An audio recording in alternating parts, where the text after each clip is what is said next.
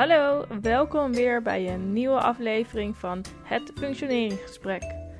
Een podcast waarin ik praat met zelfstandig creatief ondernemers over hun successen, maar ook over de lastige dingen van het ondernemen.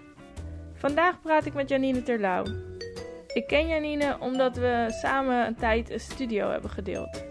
En wat Janine en ik ook delen is een heel droog gevoel voor humor. En die droge humor die is op subtiele wijze in haar werk ook vaak terug te vinden. Ze is afgestudeerd als grafisch ontwerper, maar houdt zich voornamelijk bezig met maatschappelijke onderwerpen en daar dan een oplossing voor ontwerpen. En dat doet ze meestal niet alleen, maar samen met anderen. Maar ze maakt ook apps, huisstijlen, logo's en allerlei andere soort grafische uitingen. Zo maakte ze laatst een hoes voor een CD met liedjes over katten. Gewoon omdat ze het een leuk project vond. Ik ga naar haar werkplek in de haven van Rotterdam om te kletsen over hoe zij is begonnen met ZZP'en na haar afstuderen. Hoe dat is gegaan en uh, hoe ze het nu ervaart. En hoe ze de toekomst voor zich ziet. Wat gaat ze doen? Blijft ze altijd ZZP'en? Of uh, staat ze open om bij een bedrijf te werken? Ik ga het er allemaal vragen. Ik zit uh, gezellig met uh, Janine buiten in de Rotterdamse haven bij het uh, creatief verzamelgebouw De Kroon. Want daar werk jij. Ja, daar werk ik. Daar heb ik sinds kort een eigen bureau. Een eigen plekje. Heb je dan een eigen kantoor? Nee, ik zit in een coworkspace, zoals ze dat noemen. En daar heb ik expres voor gekozen om, om toch meer reuring te hebben om een plek. Anders had ik gedacht, nou dan kan ik net zo goed een, thuis een kamer inrichten waar ik dan werk. Maar ik heb uh, ja, expres ook gewoon lekker buiten de deur naar een andere plek met andere mensen in contact komen. Leuke creatieve plek uitzoeken. Dat, uh, dat dacht ik. Dus dat heb ik gedaan. En heb je daardoor ook veel meer andere mensen ontmoet, waardoor je nu ook uh, werk hebt? zeker heel veel mensen ontmoet. niet alleen in de coworkspace zelf, maar gewoon in het hele gebouw. En in het uh, gebouw ja, zitten allemaal creatieve ondernemers.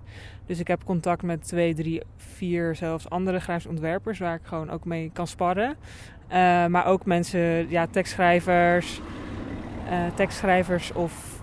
Komt even autootje langs. Ja, dat is ook belangrijk.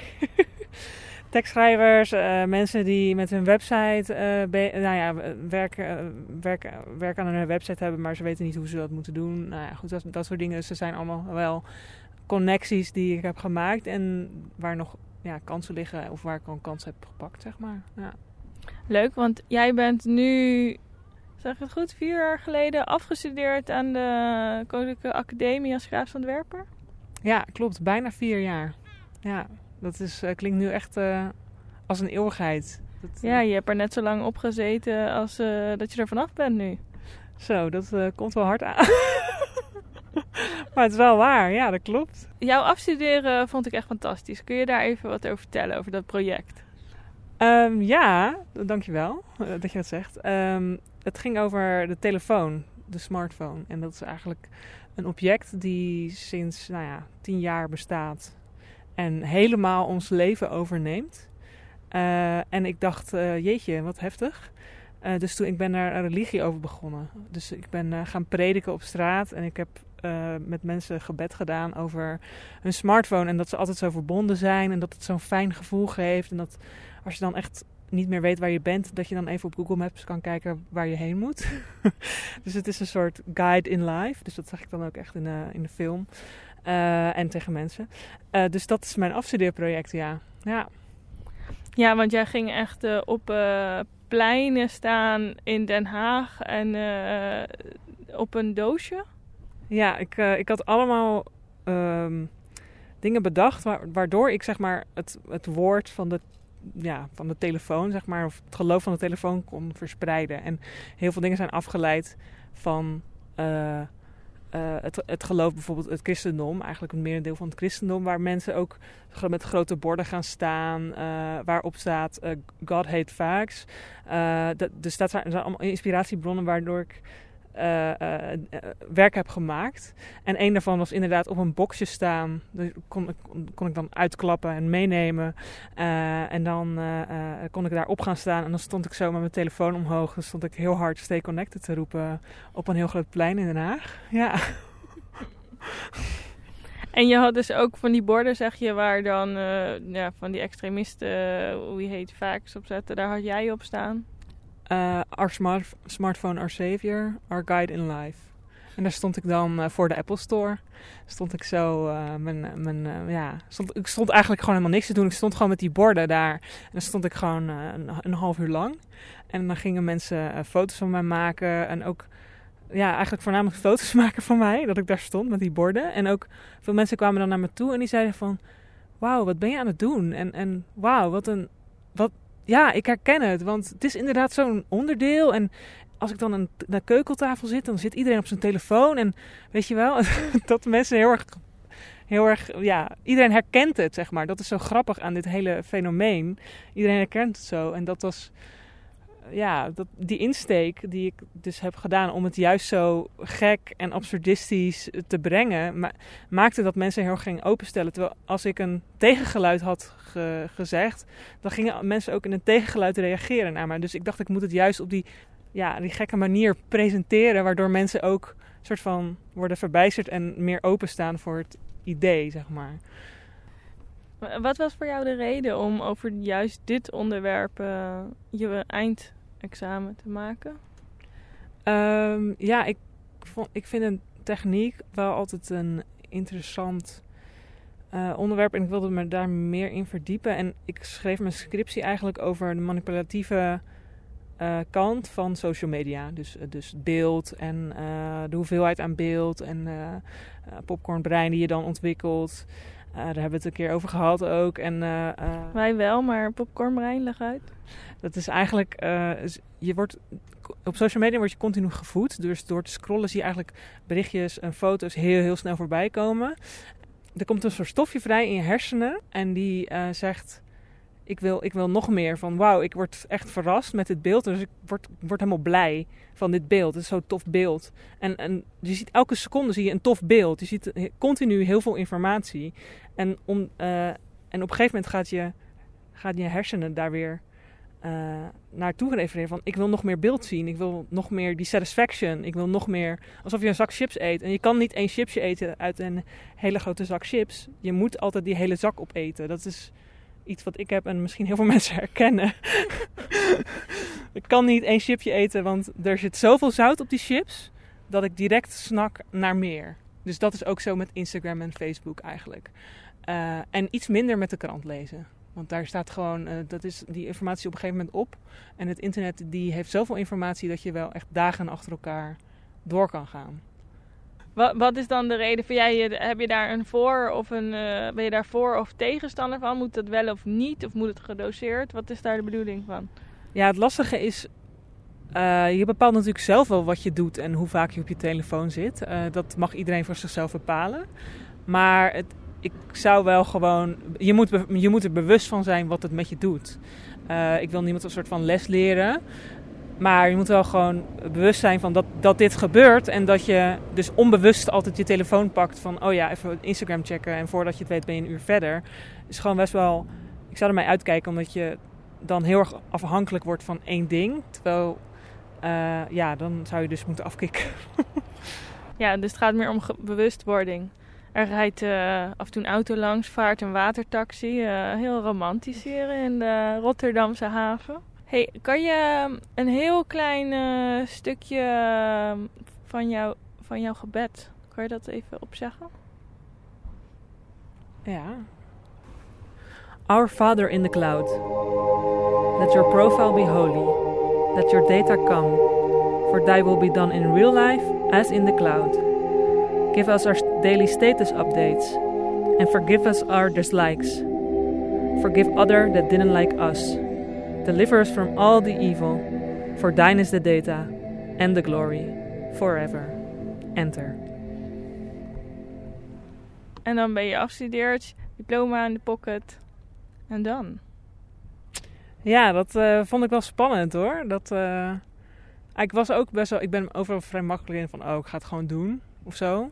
En uh, ik wilde wel, uh, eigenlijk wel graag altijd al een beetje voor mezelf beginnen. Want ik zag dat ook bij mijn vriend en bij andere mensen. Dat ik dacht van, oh ja, kijk, zij zijn ook zelfstandig en ze kunnen uh, echt aan projecten werken waar ze echt voor staan. En, en dingen aannemen die ze echt tof vinden. en ik had toen al twee soort van kansen, dus twee opdrachtgevers om iets voor te doen. Dus ik dacht, ja, waarom niet? Ik begin gewoon voor mezelf. In combinatie met dat ik altijd nog open sta voor een baan. En in, in, in, het, in het begin heb ik het heel erg gecombineerd met horeca. En een jaar later ben ik bij een bureau gaan werken part-time als grafisch ontwerper. Wat, wat waren die eerste opdrachten? Want jij, ik had de kans om iets te doen al voor een opdrachtgever. Hoe komt dat? Want dat is natuurlijk, mensen afstudeert en denken ze, ah, en nu? En dan zijn ze gewoon benieuwd, hoe kom je dan aan zo'n opdracht? Nou, het was, het, was, het was ontzettend gaaf, want ik kom bij het eh, Museum voor Communicatie was ik, uh, uh, was ik vaak, omdat daar een Permanent Future Lab was. En ik was met die beweging was ik ook bezig. En mijn vriend was ook met die beweging bezig. Komt weer een watertaxi. Wat is een Permanent Future Lab? Uh, Future Lab is eigenlijk een plek waar je technologie met elkaar deelt, uit over, deelt met, uit overvloed. Dus bijvoorbeeld, ik heb nog een, uh, een, uh, een 3D-printer over, maar hij staat alleen maar thuis. En ik wil eigenlijk dat meer mensen er gebruik van maken. Dus ik leen hem uit naar aan die plek en daar kan iedereen hem gebruiken. Maar waar ik naartoe wilde met mijn verhaal is dat ik daar vaak was. Dus daar leerde ik op een gegeven moment mensen kennen. En die mensen kenden dan ook mijn afstudeerwerk. En die zeiden van, goh, wil je anders uh, voor onze show, uh, uh, laatste show voordat we dichtgaan, posters maken voor de show en meedenken en zo. En dat was een hele toffe grote opdracht eigenlijk na het afstuderen. Van de show van het Future Lab? Van, van de show van het Communicatiemuseum. Van het Museum voor Communicatie. Het was een tentoonstelling die heette Love is What You Want. En daar mocht ik posters en flyers voor maken.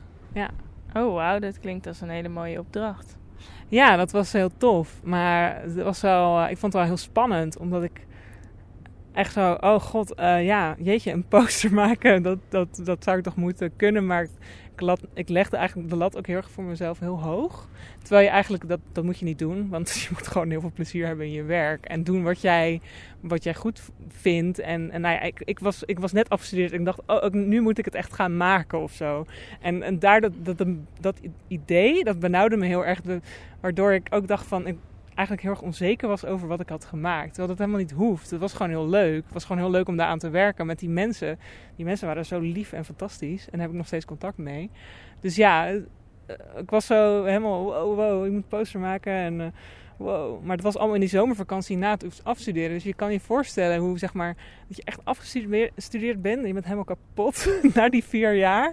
Dat je eerst even goed moet nadenken, wat ga je nou echt doen? En ga ook eens vakantie hebben, zeg maar, eerst. Maar ja, ik kon ook niet die opdracht afzeggen. Zo van, nee, ja, eh, ik ga eerst op vakantie hoor, doei. Nee.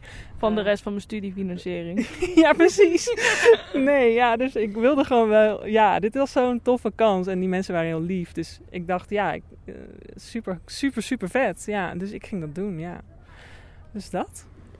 Nou, was dit posters en flyers maken, maar ja, jij hebt best wel een, uh, ik wil niet zeggen eigenzinnig stijl, maar wel projecten die je doet, uh, zijn altijd wel sociaal georiënteerd. Klopt dat? Ja, klopt. Ik ben ook uh, vrij kort na mijn afstuderen. ging naar heel veel meetups toe. Dus heel veel mensen borrels en dingetjes doen. En dan kwam ik bij een Haagse kracht meetup over duurzaamheid. En nou ja, wat kan, kan er allemaal beter in je stad en duurzamer en mooier. En dan kwam ik met twee mensen in gesprek en die zeiden van ja, we willen eigenlijk een moestuin voor onze deur hebben. Gewoon die parkeerplek, daar betalen we dan voor. Uh, hoeveel euro per, per, jaar is dat eigenlijk een parkeervergunning? We hebben allebei geen auto, dus dan kunnen we twee moestuinen maken in onze straat. Nou, fantastisch idee. Ik zei dat mag helemaal niet natuurlijk. dus dat hebben we bedacht eigenlijk om die moestuin op wielen te zetten onder een, uh, op een uh, aanhangwagen met bankjes erop en nou, heel tof. Dus het idee van die moestuin die was heel erg een soort van eigenlijk in het begin heel leidend van we willen gewoon een plek hebben waar we gewoon heerlijk kunnen zitten en een beetje moestuinieren in onze eigen straat. Dat lijkt ons echt fantastisch. Nou, dus de debatmobiel is dus uh, geboren, want uiteindelijk zeiden we van nou ja, we, kunnen natuurlijk niet uh, zomaar een plek innemen en daar allemaal nou ja, groente en fruit neerzetten. Nee, we moeten het eerst hebben met elkaar over de publieke ruimte. Uh, dus dat, dat is het sociale aan die debatmobiel. Is dat je dus een plek hebt om te zitten in de straat, elkaar te kunnen ontmoeten. En dan uh, naast al die gezelligheid en een fijne, fijne sfeer, gaat het echt over de indeling en het debat. Dus eigenlijk over hoe ziet onze publieke ruimte eruit en ja, hoe zouden we onze eigen straten toch kunnen inrichten in plaats van alleen maar uh, ja, statische auto's neerzetten die 50 of 60 procent van de tijd stilstaan. En waar je dus geen interactie mee hebt. Want die staan daar en daar kan je niet even hallo tegen zeggen en die praat dan terug. Nee. Nee, dus dan ben je eigenlijk naast, uh, je bent opgeleid grafisch ontwerper, maar uiteindelijk uh, ben je meer gaan onderzoeken van, goh, voordat ik wat ga maken, uh, wat willen de mensen eigenlijk? Ja, precies. En dat is echt altijd wel leidend in mijn werk. ik ben, dat was ook heel erg mijn afstudeerproject, is uiteindelijk een film geworden, eigenlijk een performance. En ik, uh, ik begon met afstuderen zo, uh, uh, ja inderdaad, in het vierde jaar begon ik. En toen dacht ik, ik wil niet afstuderen met film. En wat hing er op mijn afstudeerexpositie? Een film. Daar hing een video, vier minuten lang, van mij die alleen maar natuurlijk aan het prediken was. Maar ik dacht ook van, het gaat niet om het middel, het gaat om de boodschap. En ik kijk altijd van, oké, wat is er nodig? Bijvoorbeeld, nou ja, ik wil mensen bewust maken van hun smartphone-religie. Of ik wil heel graag dat er meer groen is in de, in de stad. Maar hoe kunnen we dat dan bereiken? Want je kan niet zomaar overal bomen gaan planten waar auto's moeten staan. Want dan worden mensen heel erg boos. En dan, dat wil je ook niet. Want dan krijg je heel veel ja, eh, polarisatie en dat wil je niet. Um, maar goed, uh, uh, dus het middel is heel belangrijk van hoe breng je dat en, en waar gaat het naartoe. Want ik bedoel, je kan ook inderdaad de hele uh, buurt hangen vol flyers van we willen meer groen. Maar daar heb je ook nog steeds geen gesprek. En het gaat om het gesprek en het kijken hoe we samen iets moois nieuws kunnen bouwen. Dus dat, ja. Ja, mooi. Ben je dan nog wel grafisch ontwerper? Um, ja en nee. Ja, ik ben meer ja, wat ben ik eigenlijk? Dat is wel lastig. ik, uh, ik ben grafisch ontwerper en soms ben ik het niet. Soms ben ik echt iemand die echt over concepten nadenkt van hoe kunnen we het uh, zonder flyer doen. Ook al, dat is heel grappig, want dan geef je eigenlijk ge zelf geen werk meer.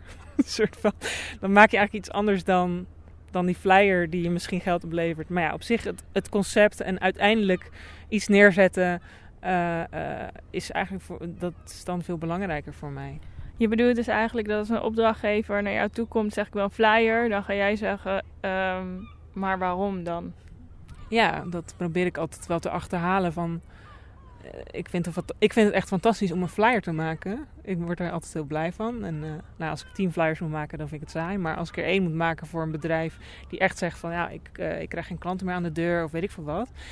Dat vind ik dat best wel tof. En maar dan zeg ik ook van ja, maar wat ga je dan met die flyer doen? Ga je die ergens neerleggen of ga je ze uitdelen? Weet je wel? Of, maar als je ze uit gaat delen, kan je dan niet beter gewoon een bord neerzetten? Of kan je dan niet beter iemand neerzetten met gewoon een leuk praatje? Want die flyer die verdwijnt toch in de prullenbak.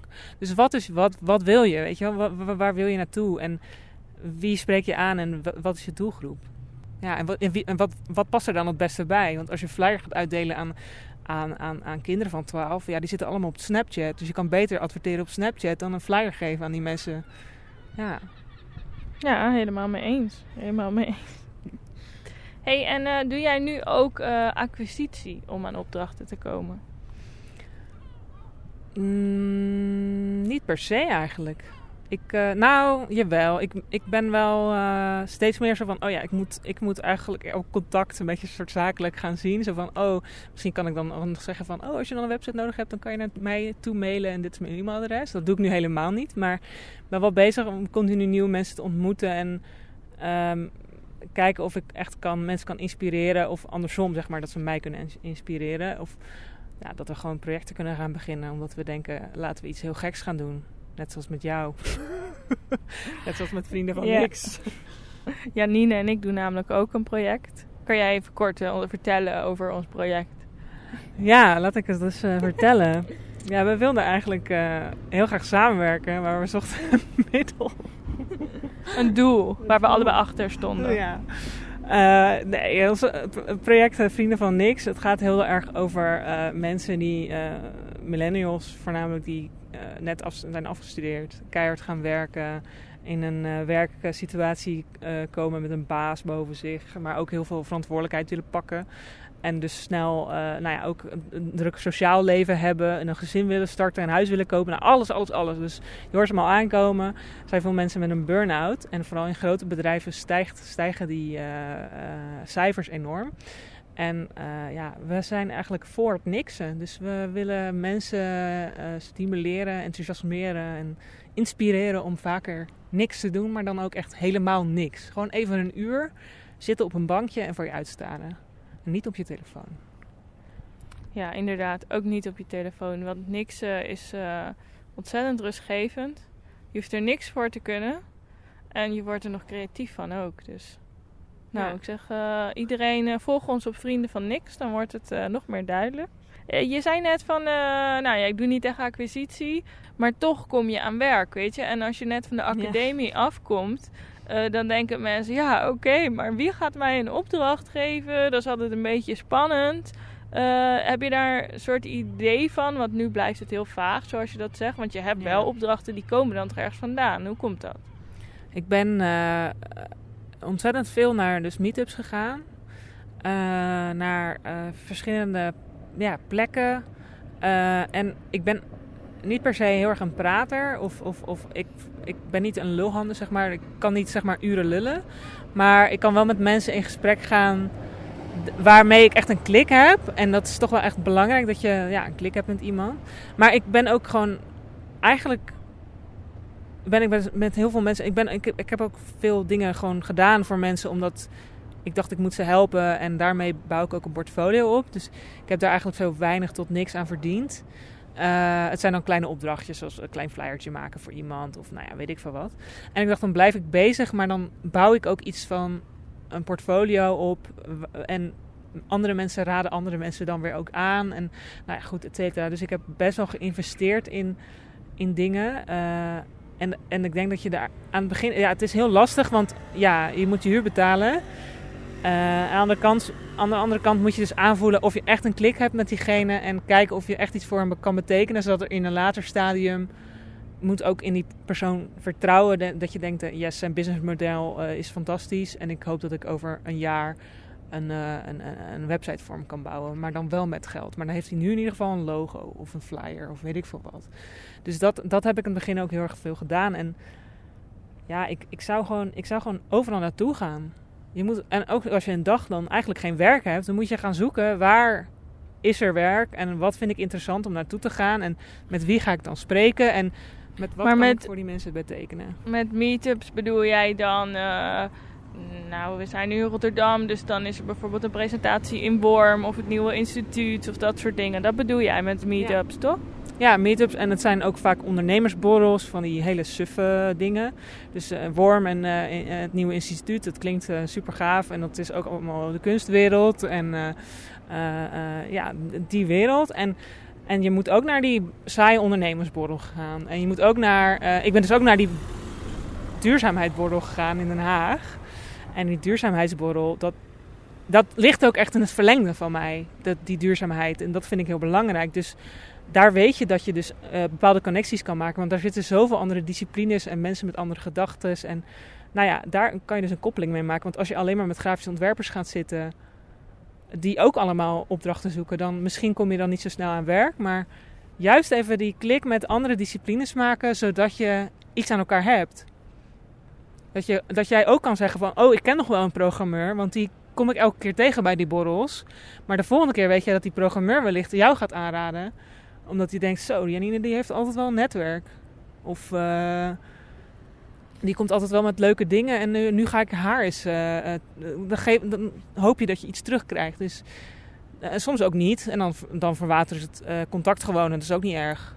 Ja, ja, ik, vind wel, ik vind wel een goede tip, want zo werkt het gewoon. Zorg dat je ook vooral met mensen werkt waar je een klik mee hebt. Want als je, als je dat niet hebt en iemand heeft alleen maar geld, dan wordt het vaak vrij ongezellig. Ja, precies. En je moet uh, op een gegeven moment heb ik ook uh, een soort van een goede, goede, voornemen had ik toen van oké, nu wil ik gewoon altijd kunnen zeggen wat ik denk tegen een klant. Dus vaak was het dan zo van ja, ik wil heel graag uh, de kleur oranje in mijn logo. En nou, dat is een heel simpel voorbeeld. Maar dan dan dacht ik van, oh ja, kleur oranje, dat wil ze heel graag. Dus dan ga ik dat doen. Maar hoe krijg ik dat voor elkaar? En dan, dan op een gegeven moment realiseer je, nee, die kleur oranje, dat gaat nergens over. Want dat vindt zij gewoon een mooie kleur, maar zonder enige onderbouwing. Maar je moet dan eigenlijk van, nee, waar gaat je product over? En als je je standpunt en je reden waarom je iets doet kan onderbouwen... of mensen echt kan adviseren of door kan vragen van waarom... of doe alsjeblieft dat niet, maar iets anders... Dat, dat was voor mij, voor mij ook echt een stap waardoor ik echt zo van... dan wordt je klantcontact ook veel beter. Want dan bied je hun ook echt iets aan. En dan maak je, laat je hun ook scherper nadenken over dingen. En uiteindelijk ben jij de expert over een logo. En als jij zegt, als, als iemand zegt van ja, ik wil 12 kleuren in mijn logo. Jij zegt, ja, maar als je dat dan eh, op het zwart eh, neerlegt en eh, niemand ziet het logo. Ja, dat, je wil wel iets wat eh, uit, het, uit het oog springt. Ja, en de kunst is dan nog wel om het niet als een zaggerijnige conciërge te brengen, omdat je expert bent, maar om te doen alsof je meedenkt. Ja, nee, dat doe je ook. Ja, dat doe ik ook. ja, ja. Ja, eh, je kan, eh, je moet dan, soms moet je het, eh, is het lastig, want dan vaak dan is het zo van, ja, maar we, we hebben dit idee en we willen dat jij het uitwerkt. Nou, dat, dat kan. En dan, dan werk je dat uit en dan word je er eigenlijk niet heel gelukkig van. En dan denk je, ja, ik kan het nu sturen, ik kan nu dit, dit ding sturen wat ze heel graag willen, maar ik kan ook nog even net even iets anders doen, waardoor het gewoon net iets beter wordt. Even vanuit mijn eigen oogpunt en niet denken aan de klant op dat moment is best wel lastig, want je gaat in je hoofd zitten van, oh, dat vinden ze vast niet mooi. maar eh, eh, dan toch even doen. Dan heb je twee opties van, ja, ik dacht ook nog aan dit idee, wat vinden jullie ervan? En dan kunnen ze gewoon nee zeggen, of ze kunnen ja zeggen van, wow, ja, je hebt wel een punt. Of ja, dan, dan maak je wel iets meer los en dan ben je ook gelijk eh, iemand die adviseert en niet alleen maar uitvoert. Ja. Ja, precies. Die, dat moet je je toe-eigenen op een bepaald moment dat, Ja. je, dat je zo gaat handelen. Ehm, wat is de opdracht waar je het meest trots op bent tot nu toe? Zo. dat is echt een lastige. Ik, ehm, ja, ik heb, ik heb heel veel projecten, maar god, ja, hoe, hoe maak ik keuze? Maar dit was even het eerste wat in mijn hoofd schoot. Ik heb, eh, omdat het echt een groot project was. En eh, ik, ik, eh, ik heb die klant, die heb ik dus ooit een keer een logo voor gemaakt voor heel weinig geld. En toen later een website voor iets meer geld. En nu mocht ik dus echt een hele app maken. En die app gaat over eh, mensen, ook in de burn-out preventie. Dus onderwerp. Dus mensen met een burn-out helpen om eh, een beter me- mensen te, worden en eigenlijk een burn-out te voorkomen op de werkvloer. Dus we hadden een app gebouwd waarmee je dus met een eh, chatbot kon praten. En ik heb dus een hele design uitgewerkt. En ik ben ook heel trots op het pro- project omdat het zo'n groot project is. Maar ook omdat ik daar echt heb kunnen zeggen wat ik dacht. Op een gegeven moment had ik die band heel erg met haar. Het was zo'n goede band dat we echt zo dat zij steeds meer vroeg van... hey, wat, wat denk je hiervan, wat denk je daarvan? En dan niet alleen ontwerpgerelateerde dingen... maar ook echt van... eh, wat denk je over, hoe denk je over deze strategie? Of hoe zou ik dit of dit aanpakken? En dan heb je zo'n goede band met iemand. Eh, en het grappige is, eh, ik heb haar ook ge- geovertuigd met mijn ontwerp... met ja, je, je, je focust je op millennials... Ik ben een millennial, dus ik heb heel veel vrienden om me heen die zijn millennial. Ehm, dus ik denk dat je mij moet vertrouwen in het ontwerp hoe ik het nu heb gedaan. En dan, heeft ze, dan, gaat, ze, dan, gaat, ze, dan gaat ze terug naar. en Toen zei ze ook van. Toen zei ze echt twee weken later kwam ze bij me terug. Toen zei ze. Ja, je hebt het echt heel goed gedaan. Ik moest even, ik moest helemaal, even helemaal. eh, zeg maar, er moest even helemaal soort van landen bij me. Maar ik dacht heel erg in mijn hoofd dat het zo moest. En jij hebt het helemaal anders gedaan. En ik, wat goed. dus dat, ik, ik maak vol, ja, het is super zenuwachtig. Ben je echt wel heel erg bang om dat te zeggen. Want je wil ook niet iemand natuurlijk op de tenen trappen. Omdat zij natuurlijk ook misschien veel meer levenservaring heeft. Weet ik van wat. Maar ja, jij bent wel de doelgroep. Dus En je hebt niet eh, voor niks die opleiding gedaan natuurlijk. Nee, precies. Dus die, ja, je, je mag ook wel een beetje pronken van... ja, ik heb echt de kunstacademie gedaan en eh, kom op. Wat is eh, naast deze fantastische opdracht eh, je grootste fuck-up geweest in de tijd na je afstuderen tot nu? Op werkengebied, hè? Ja, ja, ja. Ehm, ja, ik heb wel eens iets gemaakt voor iemand. En dan heb ik heel veel tijd aan besteed. Daar heb ik echt helemaal niks voor gekregen. Dus eh, daar heb ik uiteindelijk helemaal niks aan verdiend.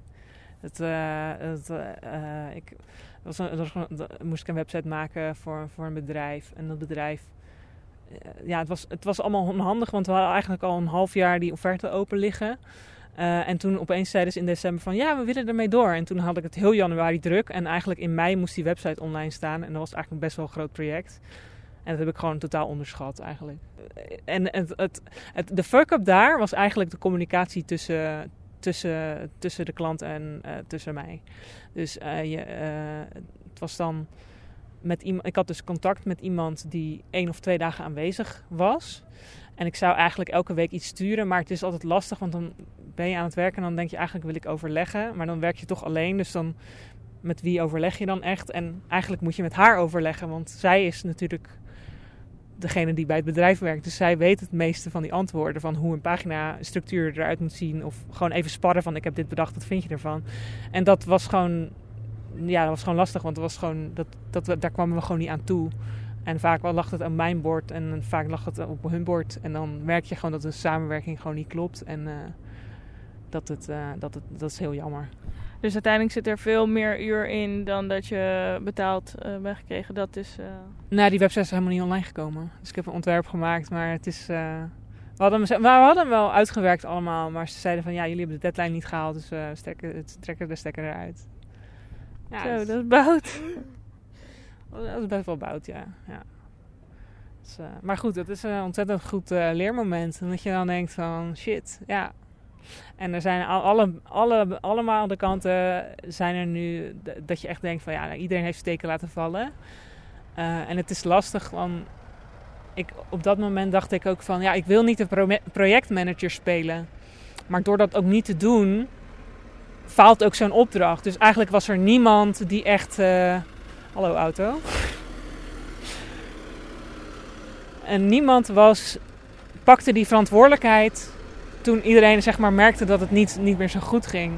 En op een gegeven moment zeiden ze van ja, dit gaat niet meer lukken voor ons. En toen wilden we heel erg overleggen van waarom niet. Want wij hebben het idee dat die website wel afkrijgen. Dat die website online kan staan. Maar zij hadden zoiets van we vertrouwen er niet meer in dat het goed komt. En dat we eigenlijk heel veel andere dingen willen, et cetera.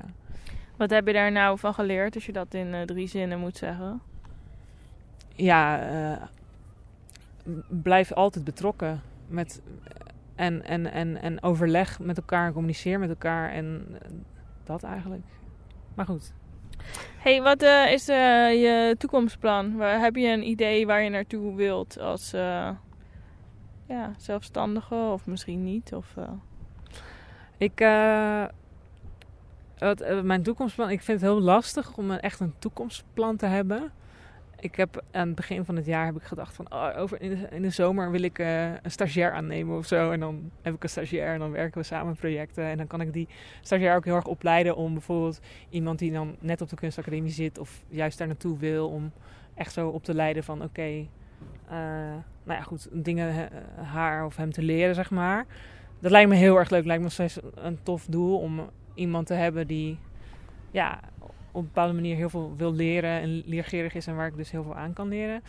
Ehm, eh, maar ik heb ook zoiets van: ik wil gewoon aan projecten werken die, die goed voelen.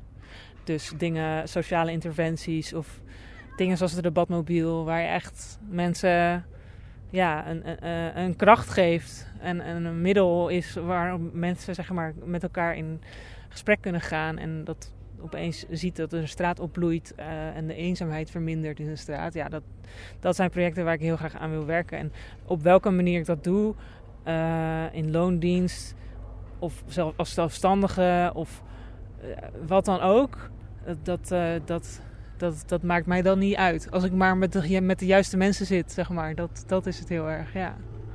Ja, ik kan me goed voorstellen. Wat is jouw droomopdracht als je ja, als je alles zou mogen dienen dat je denkt, nou, dat zou me echt ontzettend gaaf lijken als ik daar uh, wat over mag zeggen en over ontwerpen. Zo, dat is wel echt heel lastig. Want de wereld is zo groot. In Rotterdam, laten we het even op Rotterdam houden. Uh, ja, ik, ik zie wel eens dingen dat ik echt denk van, wow, dat ziet er heel tof uit. Of weet je wel, gewoon voor muziekfestivals of zo. Dat ik echt denk van, wauw, dat is echt geweldig.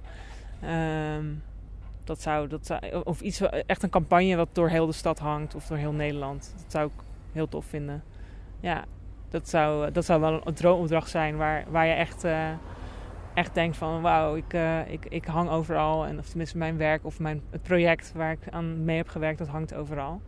Dat zou echt fantastisch zijn als ik dat nog kan bereiken. Ja, en in com combinatie met misschien wel een talk geven ergens. Dus dat ik ergens op een groot podium mag staan met een beamer. en uh, dat ik iets mag presenteren over mijn werk. En dan gaat het dus over projecten, ja, sociale mooie projecten die ik dan heb gedaan. Ja, dat zou fantastisch zijn. hey, uh, wat vind je het allerleukste aan ZZP op het moment? Oh, dat je echt continu mag, elke dag mag bepalen waar je naartoe gaat. En ik vind het heel fijn om elke keer naar de kroon te gaan bijvoorbeeld. Want dat is echt mijn plekje in mijn stekje geworden. En er gebeuren ook altijd wel dingen. Maar dat je uh, niet het idee hebt dat je vastzit aan een locatie en vastzit in een team. Maar dat je gewoon elke dag is anders en elke dag kan je anders indelen. En ik ben elke dag gewoon eigenlijk kaart aan het werk. Het van niet dat ik dan elke dag op het strand lig of elke dag uh, weet ik veel. Maar dat je gewoon, uh, dat je gewoon vijf, vijf soort van, dat kan je ook zo zien, dat je vijf teams hebt waarin je werkt. Want je hebt voor elke elke opdracht, grote opdracht, heb je natuurlijk een team aan mensen die aan werken. En dat je dan eigenlijk vijf keer een borrel kan doen in de week of zo. Maar elke keer met andere mensen. Dat je gewoon. En dan.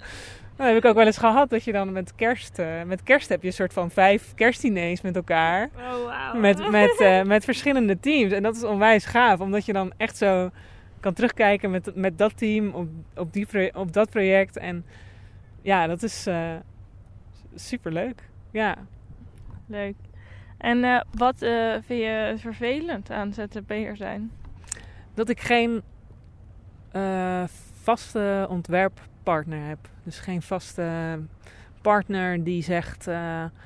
die, die kan even kan zeggen dat alles lelijk is. Of juist even zo kan zeggen van je moet dat doen. En dat ik, als ik dat dan doe, dan denk ik, wow, ja, dat werkt eigenlijk wel heel goed. dus even die, als ik dan vastzit, dan kan ik niet even met iemand echt sparren. En dat mis ik wel heel erg, een soort van maatje die, ja, die, die, die even naar, naar kijkt, twee, twee, twee woorden zegt. En dat je dan eigenlijk al denkt, ik, ik heb genoeg gehoord. En dat je weer verder kan. dat je echt een, op iemand ingespeeld bent. En dat je dat ook voor die anderen kan betekenen. Dus ja, lijkt me heel erg leuk om eigenlijk uh, op een gegeven moment te zeggen van ik ga met die en die in zee om een bureau te beginnen. Dat zou ook wel een droom eigenlijk. Ja. Hey, en dan nog als de zzp'er is altijd lastig. pensioen bijvoorbeeld. Denk je daar al aan? Ja, maar dat is ook heel benauwend. En dan denk ik eigenlijk wil ik daar niet aan denken. En dan denk ik er niet aan en dan stop ik het weg.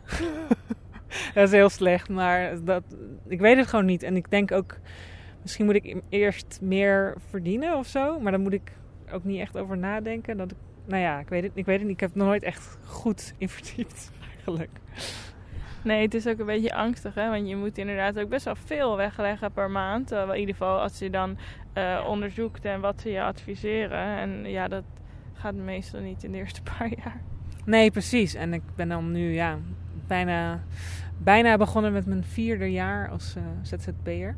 Dus dat, ja, ik dacht ook van, ik gun, ik gun het mijn eerste paar jaar ook even om gewoon lekker te klooien en alles fout te doen. En uh, dan te kijken wat ik echt wil en hoe ik dan erin sta. En ik denk dat, dat ik voor altijd die houding juist wil blijven hebben. Een soort van, uh, ik, zie, ik zie wel waar ik terecht kom. En uh, op een gegeven moment is een pensioen wel handig. Dan denk ik van, oké, nu zet ik dat vast. En dan heb ik in ieder geval dat waar ik aan verder bouw. Maar voor de rest mag alles gewoon vrij blij en leuk en gewoon van alles zijn. Zeg maar. En alles mag ook veranderen.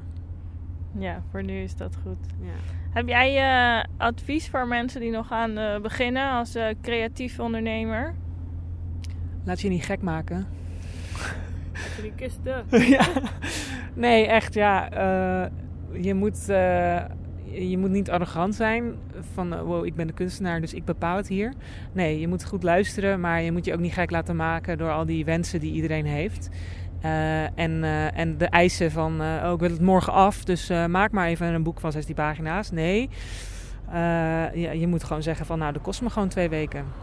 En dat moet je gewoon echt, moet je gewoon echt realistisch in zijn. Dus wees realistisch naar jezelf, wees realistisch naar een klant. En eh, ja, laat je niet gek maken. Want jij weet, jij weet dingen en zij weten dingen. En als je dat op de juiste manier combineert, ja, dan heb je gewoon een eh, goed concept, toch? Dan kom, je wel, dan kom je er wel uit. Dankjewel. Volgens mij is dat een heel goed advies. Ik eh, ga je bedanken voor dit eh, heerlijke interview in de Rotterdamse haven. Met Ja. eh, op de achtergrond alle containerschepen en watertaxis en auto's die voorbij komen. Maar het geeft wel wat extra sfeer aan het gesprek, denk Mm. ik. Ja, dankjewel. Dankjewel Joy voor dit fantastische interview. En tot ziens. Tot ziens. Tot niks. Nou, ik vond het weer een super gezellig gesprek. Ik hoop dat jullie het thuis ook interessant vonden. Binnenkort ben ik natuurlijk terug met een nieuw functioneringsgesprek. Met wie, dat houd ik nog even geheim. Maar ik zou zeggen, stay tuned. En vergeet ons ondertussen niet te liken op Soundcloud of via Deezer, iTunes of welke app dan ook jij je podcast luistert. Geef ons een paar sterretjes en laat een leuke comment achter. Ik ben Joy Chiquita en ben je benieuwd naar mijn werk, dan kun je dat zien op www.joychiquita.com. En voor nu, tot ziens, tot de volgende keer en toedeledokie.